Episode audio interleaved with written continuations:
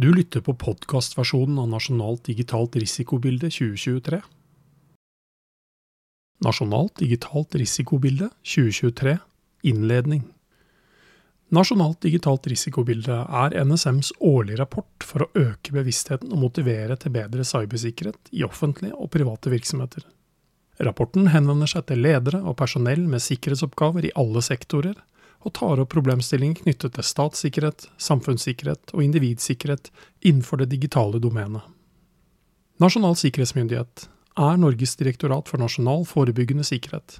Tjenestens hovedoppgave er å bedre Norges evne til å beskytte seg mot spionasje, sabotasje, terror og sammensatte trusler.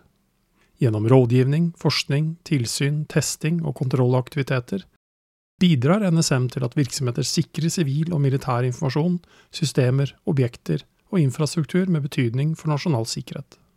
NSM er ansvarlig for et nasjonalt varslingssystem som skal avdekke og varsle om cyberangrep mot digital infrastruktur. NSM har også et nasjonalt ansvar for å koordinere håndteringen av alvorlige cyberangrep. Rapporten er utarbeidet av Nasjonalt cybersikkerhetssenter, som er en del av NSM, og samtidig et partnerskap mellom NSM og ulike offentlige og private virksomheter.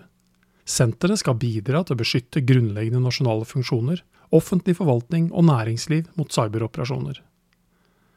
Nasjonalt cybersikkerhetssenter har et spesielt fokus på rådgivning knyttet til cybersikkerhet og tekniske sikkerhetsløsninger. Nasjonalt cybersikkerhetssenter yter også bistand ved håndtering av digitale hendelser og vedlikeholder et nasjonalt cybersituasjonsbilde. I podkastversjonen av Nasjonalt digitalt risikobilde 2023 er ikke grafer, illustrasjoner og fotnoter tatt med. Rapporten kan leses i sin helhet på nsm.no. Du har lyttet til podkastversjonen av Nasjonalt digitalt risikobilde 2023, og mitt navn er Roar Thon.